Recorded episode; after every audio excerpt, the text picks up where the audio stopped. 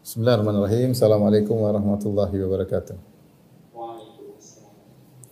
Alhamdulillahi ala ihsani wa syukru lahu ala taufiqihi wa amtinani. Asyhadu an la ilaha illallah wahdahu la syarika lahu ta'ziman li sya'ni wa asyhadu anna Muhammadan abduhu wa rasuluhu da'ila ridwani. Allahumma salli alaihi wa ala alihi wa ashabihi wa ikhwani. Para dokter yang dirahmati Allah Subhanahu wa taala, kita masih melanjutkan bahasan kita tentang makna solawat. Dan pada kesempatan kali ini kita akan membahas tentang makna Al, Ali Muhammad, Ali Ibrahim dan seterusnya ya. Kemarin kita sudah bahas tentang Allahumma salli ala Muhammad. Apa makna salawat sudah kita bahas ya. Uh, kemudian wa ala ali Muhammad. Apa yang dimaksud dengan alu Muhammad? Al saya sudah tulis di sini perhatikan.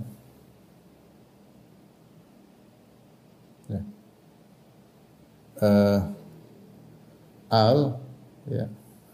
Uh, dijelaskan oleh Ibnu Hajar dalam Fathul Bari ala sebenarnya dari A ini yang pertama A ini yang ada panjang ini sebenarnya dia ada ringkasan dari a'lu a'lu ini hamzah. Nah hamzah ini asalnya dari ahlun. Jadi a'lu itu asalnya dari ahlun.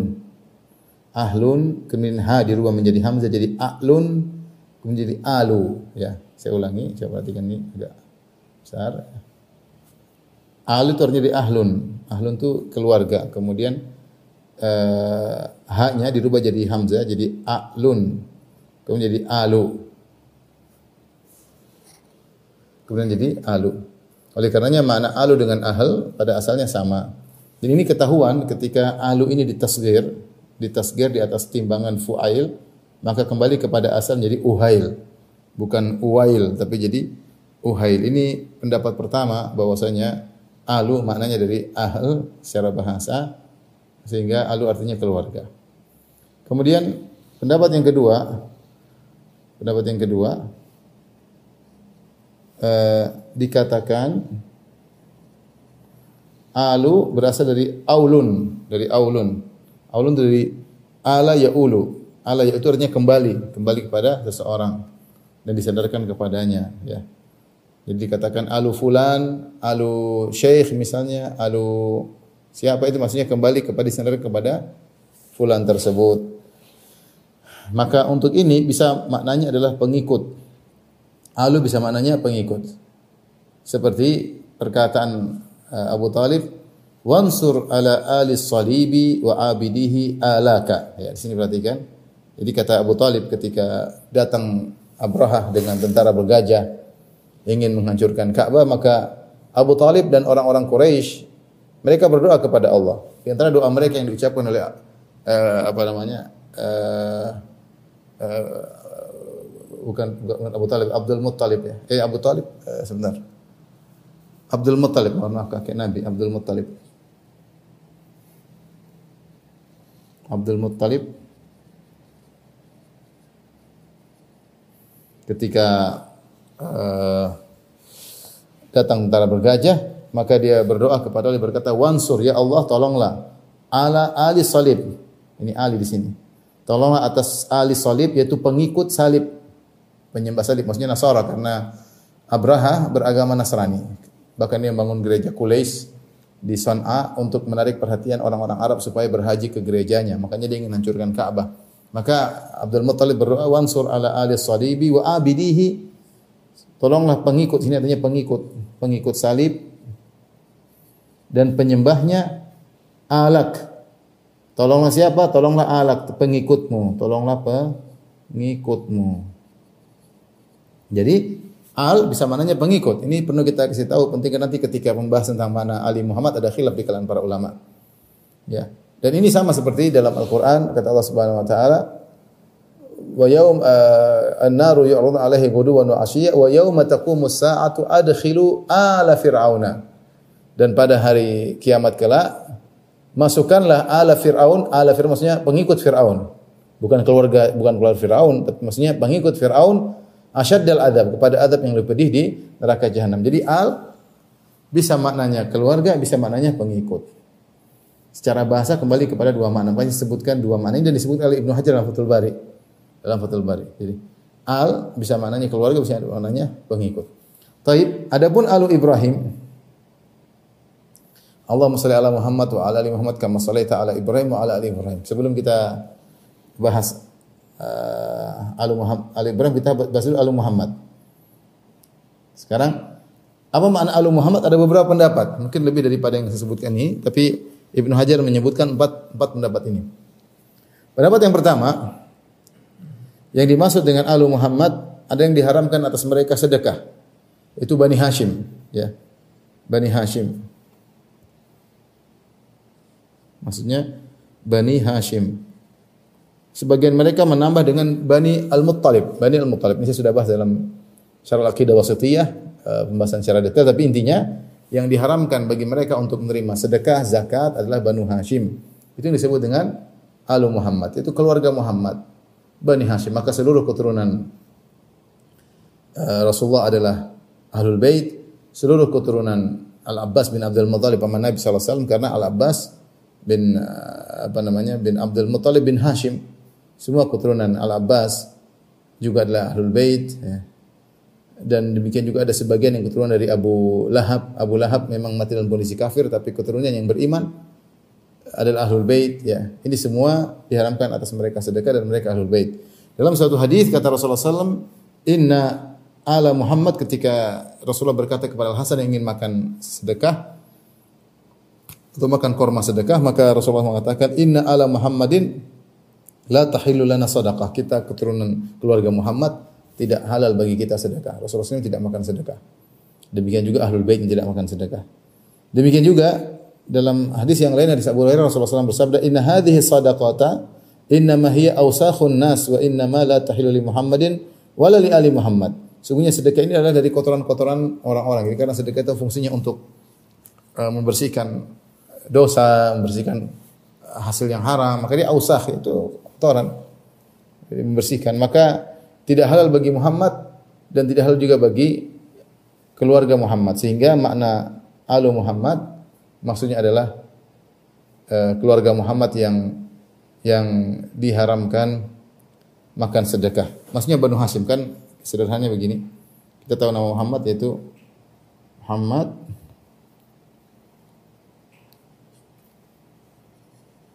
Muhammad sallallahu alaihi wasallam bin Abdullah kemudian bin Abdul Muttalib Abdul Muttalib kemudian bin Hashim bin Abdi Manaf bin Qusay bin Kilab dan seterusnya nah, ini Bani Hashim ya. ini semua Abdul Muttalib ini kakek Nabi punya anak banyak ya, di antaranya Abdullah di antaranya pamannya Al Abbas Al Abbas bin Abdul Muttalib di antaranya adalah Abu Lahab ya. Abu Lahab bukan Abu Lahab ya. Abu Lahab dia mati kafir tapi dia punya anak-anak yang eh, yang beriman ya. Eh, ini di antara anak-anaknya semuanya adalah Banu Hashim, keturunan Hashim. Maka seluruh Bani Hashim eh, adalah Ahlul Bait keturunannya. Maka saya punya kawan-kawan ada yang Ahlul Bait dari kalangan zuriyati Rasul yaitu dari Hasan dan Husain dan ada juga dari keturunan Al Abbas bin Abdul Muttalib ya. Taib ini pendapat pertama. Pendapat yang kedua yang dimaksud dengan Ahlul Bait adalah istri dan zuriyah. Istri dan zuriyah. Dan istri jelas dalam Al-Qur'an perkataan ahlul, ahlu itu kembali kepada istri. Ya, seperti ketika uh, malaikat berkata kepada Sarah ya, atajabina min amrillah rahmatullahi alaikum rahmatuhu rahmatullahi wa barakatuhu alaikum ahlal bait innahu hamidum majid ya sungguhnya rahmat Allah dan keberkahan bagi kalian. Wahai ahlul bait. Ahlul bait maksudnya adalah uh, adalah uh, Sarah istrinya Ibrahim. Jadi kata ahl maksudnya adalah uh, istri. Demikian dalam surat Al-Ahzab Ketika Allah menyebutkan ayatnya terkait dengan istri-istri Nabi, Allah mengatakan ya nisa an-nabi, ya nisa an-nabi. Kemudian di tengah-tengah itu Allah mengatakan inna ma yuridullah liyudhiba ankum rijsa rijsa ahlal bait wa yutahhirakum tathira. Di situ Allah bait ayat di antara pembahasan tentang topik tentang istri-istri Nabi sallallahu alaihi wasallam. Ayat sebelumnya tentang istri-istri Nabi, ayat sebelumnya tentang istri Nabi sehingga tidak ada yang ragu bahwasanya istri-istri Nabi termasuk di Ahlul Bait kecuali orang Syiah yang menolak hal ini. Mereka mengatakan istri-istri Nabi bukan ahlul bait, ahlul bait hanya zurriyah. Uh, kemudian di antara dalil dari hadis Rasulullah SAW berdoa Allahumma Allahumma ja'al rizqa ali Muhammadin kutan. Ini doa Nabi. Allahumma ja'al rizqa ala rizqa ali Muhammadin kutan. Ya Allah jadikanlah rizki ali Muhammad. Maksudnya rizki istri-istriku. Kutan itu pas cukup, kafaf, mencukupi, tidak berlebihan, tidak kekurangan. Sehingga makna al di antaranya adalah istri-istri dan anak-anak Nabi Shallallahu Alaihi Wasallam. Sebagian berpendapat bahwasanya yang disebut dengan al hanyalah zuriyah dan ini di antara pendapat ahlus sunnah dan juga ini pendapat yang dipilih oleh orang syiah mereka membatasi namanya ahlul bait hanyalah zuriyah keturunan Hasan dan dan Husain. Eh, yang benar bahwasanya ahlul bait tidak terbatas pada zuriyah saja, tidak terbatas pada keturunan Hasan dan Husain saja. Itu dari Fatimah binti Muhammad sallallahu alaihi wasallam tapi juga termasuk uh, Bani Hashim dan juga termasuk istri Nabi sallallahu alaihi wasallam dan pendapat yang yang agak ini adalah pendapat nomor empat seluruh umat Islam yang bertakwa adalah alu Muhammad alu Muhammad.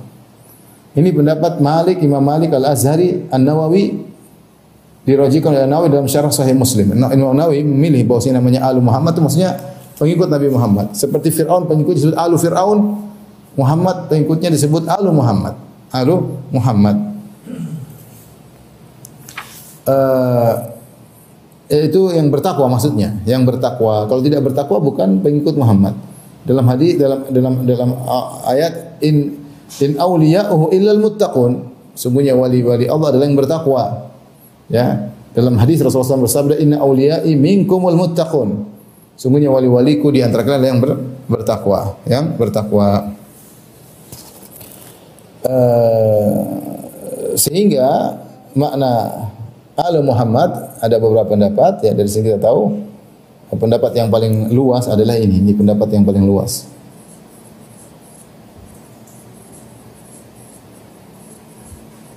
Karena siapa yang bertakwa bisa menjadi pengikut Nabi dan dia mendapatkan doa solawat ya. Uh, di sini ada nukilan yang menarik dinukil oleh oleh Ibnu Hajar dan Fathul Bari ya uh, bahwasanya ada seorang yang kurang begitu perhatian terhadap Al-Hashimiyin dari Bani Hashim. Kemudian dia pun mengatakan ataghadda minni wa anta tusalli alayya fi kulli salatin fi qaulik Allahumma salli ala Muhammad wa ala ali Muhammad. Kau tidak perhatian sama saya sementara kau setiap hari bersalawat kepadaku. Ini kau tidak artinya tidak hormat sama saya. Sementara kau setiap hari bersalawat kepadaku, bukankah kau bersalawat setiap salat Allahumma salli ala Muhammad wa ala ali Muhammad? Ya Allah salawatlah kepada Muhammad dan kepada Ali Muhammad. Ali Muhammad Bani Hashim. Maka orang ini membantah yang ditegur tersebut berkata, Ini uridu tayyibin at-tahirin walasta minhum. Yang saya maksud saya bersalawat itu adalah yang yang bertakwa di antara mereka dan kau bukan termasuk yang bertakwa, maka salawat tidak masuk kepadamu ya. Jadi sebagian ini ini ini perlu diperhatikan sebagian orang yang mungkin mendapati dirinya atau merasa dirinya keturunan Nabi SAW, dia harus bertakwa kepada Allah Subhanahu Wa Taala. Jangan dia hanya bersandar. Sebagian mereka ada yang berkata tentang saya akan saya akan selamat, pasti masuk surga. Ini penyakit yang salah ya dari eh, segelintir mereka. Saya pasti masuk surga. Kenapa? Karena setiap hari orang ribuan jutaan orang salawat kepada saya karena saya keturunan Rasulullah SAW. Tapi apakah demikian Rasulullah mengajarkan? Tentunya tidak. Ya. Tentunya tidak ya. dan yang yang kalau tidak bertakwa maka tidak masuk dalam alu Muhammad. Baik, ini tentang alu Muhammad. Berikutnya kita bahas Allahumma sholli ala Muhammad wa ala ali Muhammad. Ali Muhammad ya sudah ngerti. Kemudian kama shallaita ala Ibrahim wa ala ali Ibrahim. Nah, alu Ibrahim sekarang apa? Keluarga Ibrahim yang kita disuruh bersolat Nabi kepada agar di agar Allah bersalawat kepada Nabi dan keluarga Nabi sebagaimana Allah bersalawat kepada Ibrahim dan keluarga Ibrahim. Inilah makna Al Ibrahim. Makna Al Ibrahim adalah keluarga Ibrahim dan kita tahu Ibrahim alaihissalam punya istri Sarah yang kita tahu dalam literatur kita dua Hajar. Kalau dalam dalam perjanjian lama dalam Bible disebut ada istri yang ketiga ya, yang lain. Dan dari dua anak tersebut, dua istri tersebut Sarah ada Ishak. Dari Hajar Ismail. Yang dimaksud dengan Ali Ibrahim adalah semua keturunan Ishak dan semua keturunan apa? Ismail. Nah, keturunan Ishak ini adalah Banu Israel. Di antaranya adalah anak-anaknya di antaranya Banu Israel. Dari Hajar Ismail dan dari anak-anak Ismail adalah Quraisy. Dalam literatur Bible ada yang ketiga, namun kita nggak tahu Allah alam apakah ada keturunannya atau atau tidak ya. Nah, yang dimaksud dengan keturunan Alu Ibrahim adalah yang bertakwa saja. Karena Allah sebutkan dalam Al-Qur'an, "Wa min dzurriyyatihima" di antara keturunan Ibrahim dan Ishak keturunan Ibrahim dan Ishak Katalah muhsinun ada yang baik, yang baik. Wa zalimun li nafsi mubin dan yang yang yang yang yang menzalimi dirinya. Itu pelaku maksiat. Jadi ternyata keturunan Ibrahim dan Ishak tidak semuanya baik. Buktinya Banu Israel ya. Bani Israel tidak semuanya bertakwa. Sekarang Yahudi yang ada di di Israel, di Tel Aviv, mereka mengaku keturunan Yakub bin Ishak, ya. Yakub bin Ishak. Tapi apakah mereka semua bertakwa? Jawabannya tidak. Sehingga ketika mereka tidak bertakwa, mereka tidak masuk dalam salawat ini. Kama solaita ala Ibrahim wa ala ali Ibrahim. Sebaik bersolat kepada keluarga Ibrahim. Keluarga Ibrahim ini dimaksudlah yang yang bertakwa. Demikian juga di antara keturunan Ibrahim adalah Quraisy. Di antara Quraisy Nabi Muhammad sallallahu alaihi wasallam. Nabi Muhammad sendiri adalah keturunan uh, Nabi Ibrahim alaihissalam. Dan apakah semua Quraisy adalah orang baik? Jawabannya tidak. Di antara Quraisy ada Abu ada Abu Jahal, ada Utbah bin Rabi'ah, Syaibah bin Rabi'ah, gembong-gembong orang-orang kafir, ada Al-Walid bin Mughirah dan yang lain-lain. Ya, Uqbah bin Abi Muaid, tokoh-tokoh Quraisy yang mereka tewas dalam perang Badar maupun setelah perang Badar ya. Nah, sehingga yang dimaksud dengan ala Ibrahim itu adalah alu Ibrahim yang uh, yang bertakwa itu yang mendapatkan keberkahan dari Allah Subhanahu wa taala. Adapun yang tidak bertakwa maka tidak mendapati keberkahan dari Allah. Ini terkait dengan makna alu Ibrahim. Taib. Timbul permasalahan berikutnya para dokter yang Allah Subhanahu wa taala. Kita berselawat Allahumma salli ala Muhammad wa ala ali Muhammad kama sallaita ala Ibrahim wa ala ali Ibrahim. Ya Allah, berselawatlah kepada Muhammad dan juga kepada keluarga Muhammad sebagaimana engkau berselawat kepada Ibrahim dan kepada keluarga Ibrahim. Nah, kita minta salawat kepada Nabi sebagaimana Allah telah bersalawat kepada Ibrahim seakan-akan Nabi Muhammad kedudukannya di bawah Ibrahim. Seakan-akan Nabi Muhammad kedudukannya di bawah Ibrahim. Ini, ini makanya dibahas oleh para apa maksud salawat bersalawatlah kepada Muhammad sebagaimana engkau bersalawat kepada Ibrahim. Seakan-akan Nabi Muhammad ingin ikut seperti yang ada di Ibrahim. Seakan-akan Nabi Muhammad di bawah Ibrahim. Padahal ijma sepakat Nabi Muhammad adalah asyraful mursalin. Nabi yang terbaik, ya, Nabi yang terbaik, Nabi yang termulia, manusia termulia di alam semesta, ya. Uh, lebih tinggi derajat daripada Nabi Ibrahim alaihissalam. Tapi kenapa doanya seperti itu? Ya Allah berilah salawat kepada Muhammad dan keluarga Muhammad sebagaimana engkau bersalawat kepada Nabi Ibrahim dan kepada keluarga Ibrahim. Ya. Uh, ini dibahas oleh para ulama dan Ibnu Hajar rahimahullah menyebut sekitar 12 pendapat ya. Saya saya ingin nukil aja. Uh, sebagai apa namanya wawasan ya. Baik, saya katakan di sini khilaf tentang kama salaita alaihi apa apa sebagaimana apa maksudnya sebagaimana? Ya. Permasalahan yang masyhur yang yang masyhur adalah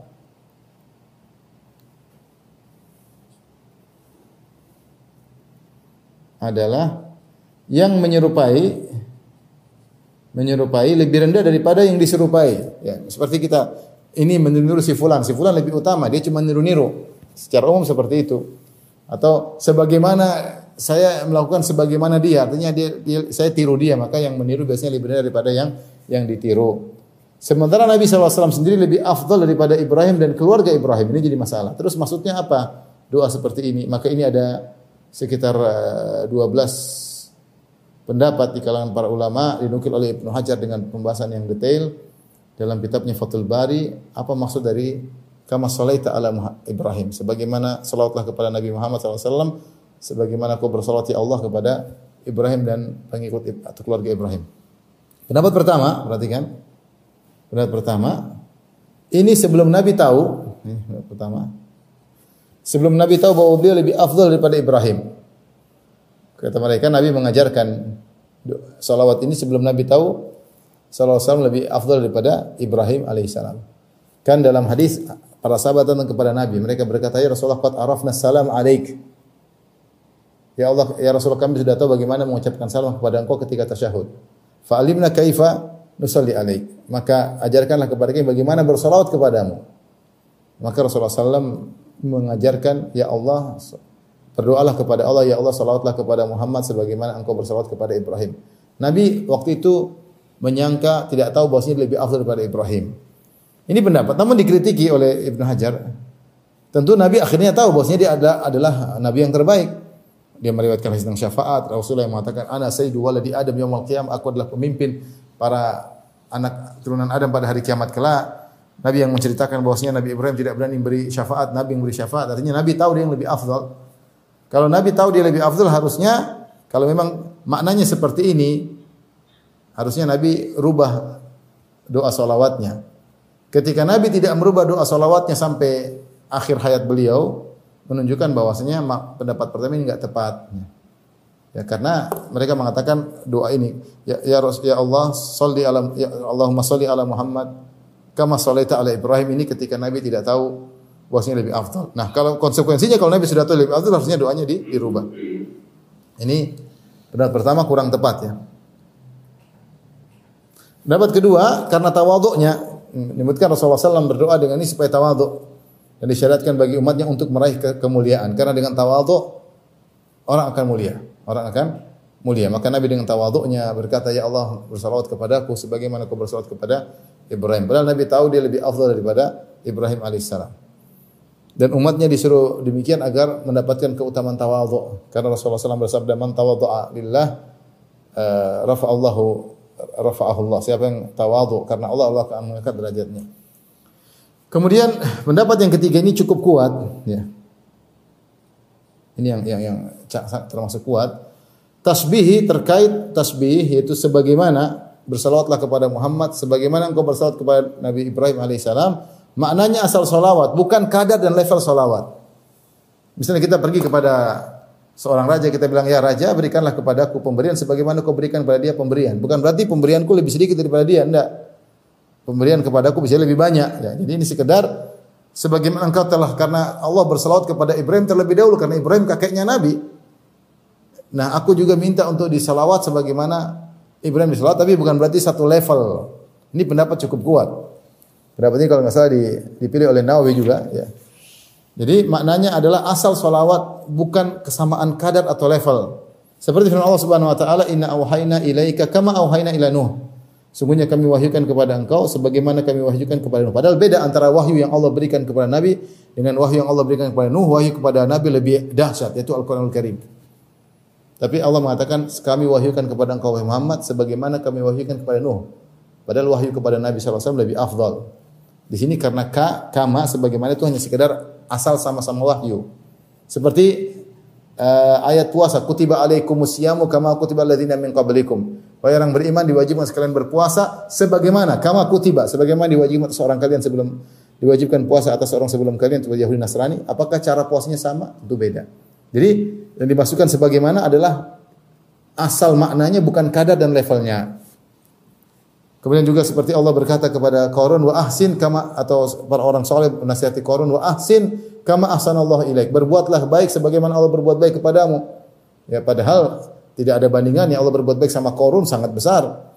Ya, Korun hanya disuruh berbuat baik sekedarnya, tapi ternyata dia tidak berbuat baik. Jadi kata kama tidak harus satu level. Ini pendapat yang dipilih oleh Al-Qurtubi dalam kitabnya Al-Mufhim. Al-Qurtubi itu Abu Abbas Al-Qurtubi. Bukan Abu Abdullah Al-Qurtubi. Abu Abdullah Al-Qurtubi lebih belakangan mutakhir penulis tafsir ini Abu Abbas Al-Qurtubi ahli hadis yang punya buku kitab Al-Mufhim. Taib ini pendapat yang cukup kuat. Ya, saya juga condong pada pendapat ini. Ya. Uh, kemudian pendapat yang keempat, kama adalah untuk taklil, untuk menyebutkan uh, uh, apa namanya? Karena karena engkau. Maknanya karena. Seperti kama arsalna fiikum rasulan minkum karena kami telah mengutus kepada kalian seorang rasul dari kalian. Maknanya karena bukan sebagaimana. Ya, taklil seperti kita mengatakan Allahumma salli ala Muhammad wa ala ali Muhammad kama sallaita ala Ibrahim wa ala ali Ibrahim. Ya Allah uh, maknanya karena ya, karena Seakan-akan maknanya Allahumma salli ala Muhammad wa ala ali Muhammad kama sallaita ala Ibrahim wa ala Ibrahim. Maknanya ya Allah bersalawatlah kepada Muhammad dan kepada keluarga Muhammad karena engkau telah bersalawat kepada Ibrahim dan keluarga Ibrahim. Ini pendapat oke lah namun tidak sekuat pendapat nomor tiga.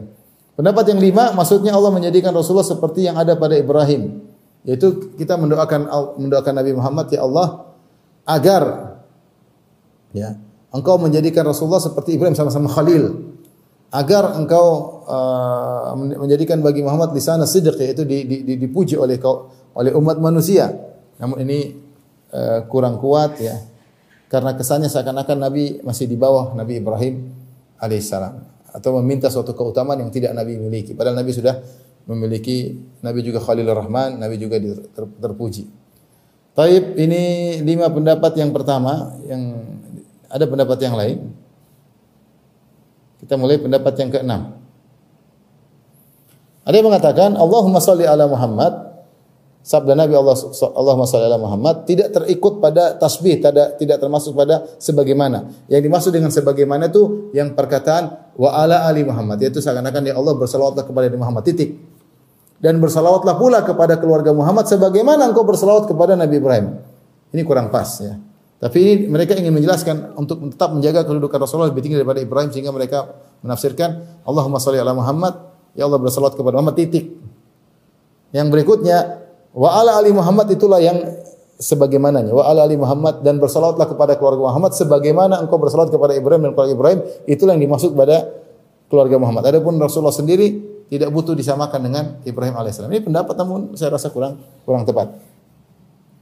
Yang berikutnya nomor tujuh tasbih kolektif. Maksudnya apa? Ya. Uh, bahwasanya uh, kolektif dari keturunan Ibrahim lebih banyak lebih banyak Nabi Shallallahu Alaihi Wasallam. Ditinjau dari jadi Allah Rasulullah SAW ya Allah beri salawatlah kepadaku bersama keturunanku sebagaimana engkau bersalawat kepada Ibrahim dan keturunan Ibrahim. Sama-sama minta persis, minta salawat sebagaimana kepada Ibrahim minta kepada Nabi, tapi kalau di kolektif tentu lebih besar dahsyatnya salawat kepada Nabi. Karena karena salawat kepada uh, kepada Nabi lebih banyak keturunan Nabi Shallallahu Alaihi Wasallam dan dibandingkan dengan uh, orang-orang soleh di kalangan uh, keturunan Nabi Ibrahim alaihissalam. Ya.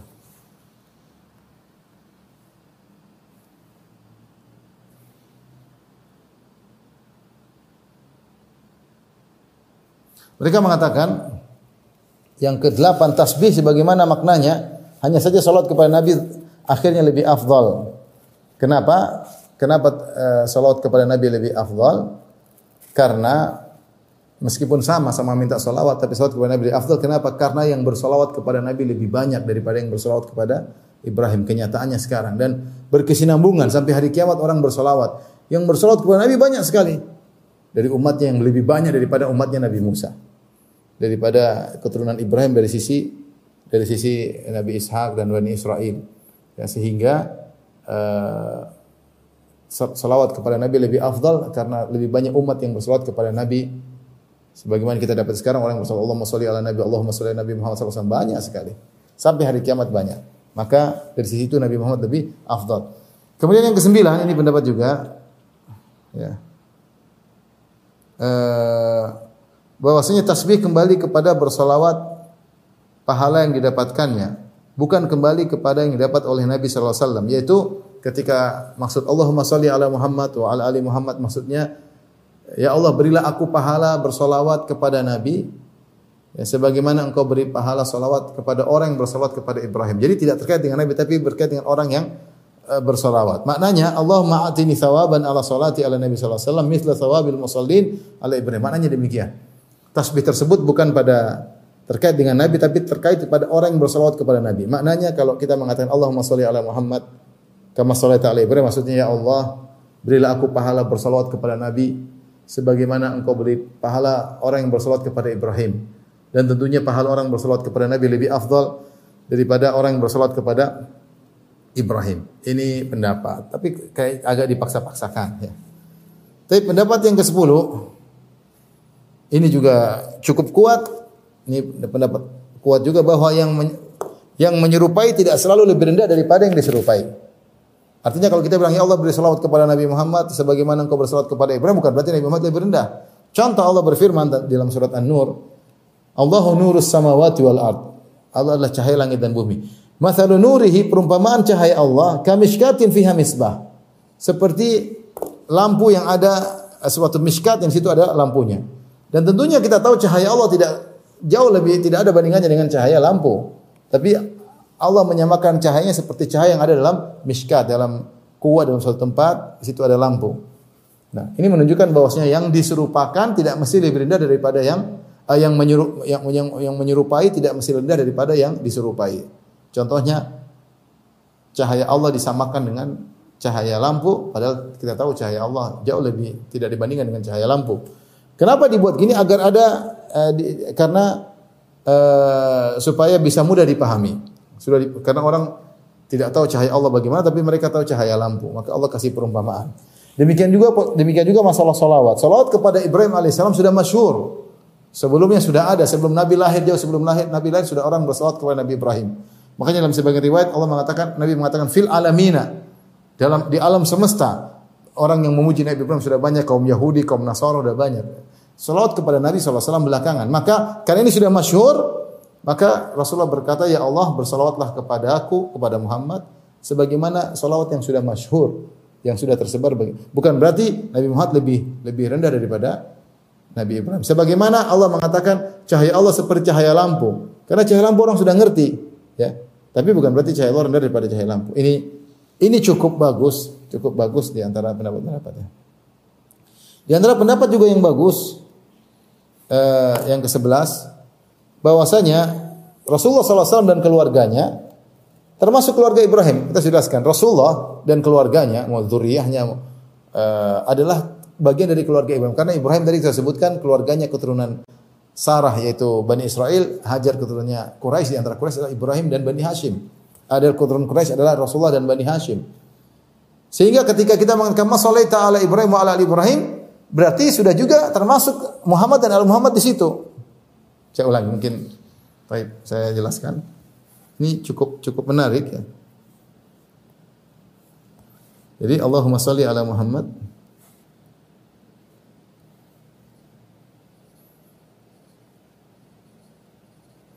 Wa ala ali wa ali Muhammad. Kama sallaita ala Ibrahim wa ali wa ali Ibrahim. Allah, ya Allah bersalawat kepada Muhammad dan keluarga Muhammad. Muhammad sallallahu alaihi wasallam dan keluarga Muhammad. Sebagaimana sebagaimana engkau berselawat kepada Ibrahim dan keluarga Ibrahim. Perhatikan keluarga Ibrahim. Bukankah keluarga Muhammad bagian dari keluarga Ibrahim? Ini bagian daripada ini. Artinya kalau kita bikin himpunan, ini keluarga Ibrahim. Di antaranya adalah keluarga Muhammad. Ali Muhammad. Kalau ini adalah Alu Ibrahim, Alu Ibrahim. Ini adalah Alu Muhammad. Ya, kalau kita ya Allah berilah salawat kepada berilah salawat kepada Muhammad dan keluarganya sebagaimana engkau bersalawat kepada Ibrahim dan keluarganya. Ini menunjukkan dengan cara begini kita mendoakan keluarga Nabi Muhammad dua kali. Ini dua kali berarti. Dua kali. Sehingga keluar eh, salawat kepada Muhammad keluarganya lebih spesifik. Sehingga lebih spesifik. Ya. Kenapa? Karena ketika kita Allahumma sholli ala Muhammad wa ala kama shallaita ala Ibrahim wa ala Ibrahim innaka Majid, dua kali kita kita Allah bersalawat kepada Ibrahim dan keluarganya sudah masuk ini.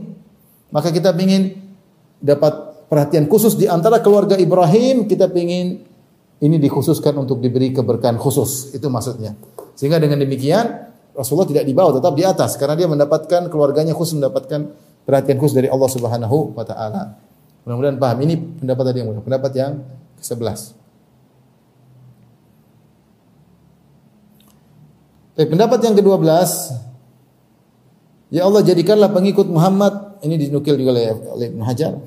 Jadi saya Ini pendapat bagus. Pendapat ke-12 terakhir, maksudnya ya Allah jadikanlah pengikut Muhammad sebagai penjaga dan penyampai syariat sebagaimana para nabi yang ada di keturunan Ibrahim. Kita tahu di keturunan Ibrahim banyak nabi-nabi Bani Israel. Nabi Musa, Nabi Harun, Nabi Isa, Nabi ya uh, Nabi Yakub, Nabi Ishak, Nabi Zulkifl, Nabi Sulaiman, Nabi Daud, Nabi Ayub, banyak sekali nabi. Mereka adalah penjaga syariat, penyampai syariat. Maka sekarang kita berdoa yang ya Allah jadikanlah keturunan Nabi Muhammad SAW adalah orang-orang menjaga syariat di antara mereka sebagaimana keturunan Ibrahim. Namun ini pendapat agak jauh ya. Karena keluar dari lafal makna konten Allahumma sholli ala Muhammad. Allah alam bisawab, maka dari perhatikan ini yang yang yang kuat pendapat adalah pendapat nomor tiga, eh, tasbih terkait makna asal makna saja. Kemudian eh, pendapat yang berikutnya adalah uh, pendapat yang ke-10 bahwasanya yang selalu yang dibuat tidak selalu benar daripada yang, yang, yang diikuti atau pendapat yang ke-11 uh, bahwasanya keluarga Nabi lebih spesifik daripada keluarga Muhammad sallallahu alaihi wasallam. Taib ini mau difotoin. Taib ini dulu, nanti yang kedua. Hah? Ini dulu ya.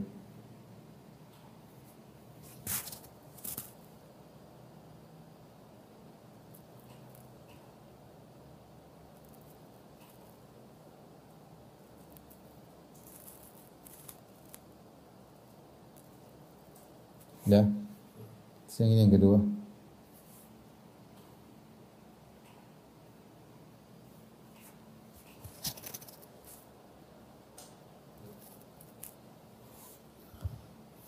Baik, para dokter Allah Subhanahu wa taala kita lanjutkan pembahasan berikutnya. Kita selesaikan. Nanti ada pembahasan fikih belakangan ya. Baik, makna wa barik ala Muhammad. Apa maknanya wa barik ala Muhammad kama ala Muhammad kama barakta ala Ibrahim ala Ibrahim. Wa barik maksudnya adalah dua makna, tambahkan tambahan kebaikan dan bersihkan dari aib dan kekurangan serta disucikan. Itu namanya berkah. Wa barik berkahi. Oleh karenanya yang dimaksud dengan ya Allah berkala Muhammad maksudnya berilah puncak kebaikan yang kontinu menetap. Karena tidaklah dikatakan berkah kecuali kebaikan yang menetap. Jadi kata berkah sendiri, kata berkah atau lafal berkah, kata berkah al-barakah kalau bahasa kita al-barakah maka itu kembali kepada dua makna maknanya adalah kasratul khair kebaikan yang banyak dan juga maknanya adalah uh, as-subut subutul khair ya. Wasabat atau subut wasubut yaitu menetapnya kontinunya menetapnya. Menetapnya kebaikan tersebut.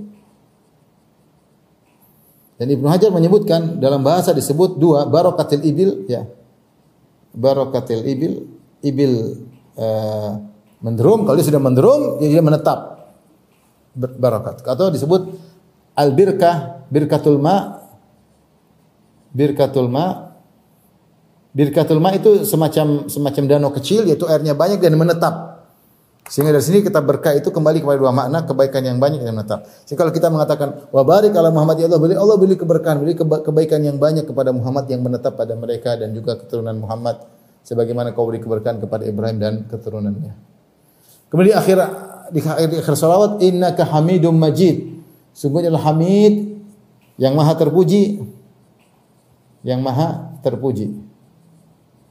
Baik. Allah terpuji kenapa? Dua hal Allah terpuji. Pertama karena sifat-sifatnya yang maha tinggi, maka dia terpuji. Dan yang kedua karena maha baiknya, maha pemberinya, pemberi anugerah. Allah memberikan kita banyak anugerah maka kita memuji dengan mengatakan Allah Hamid yang maha terpuji.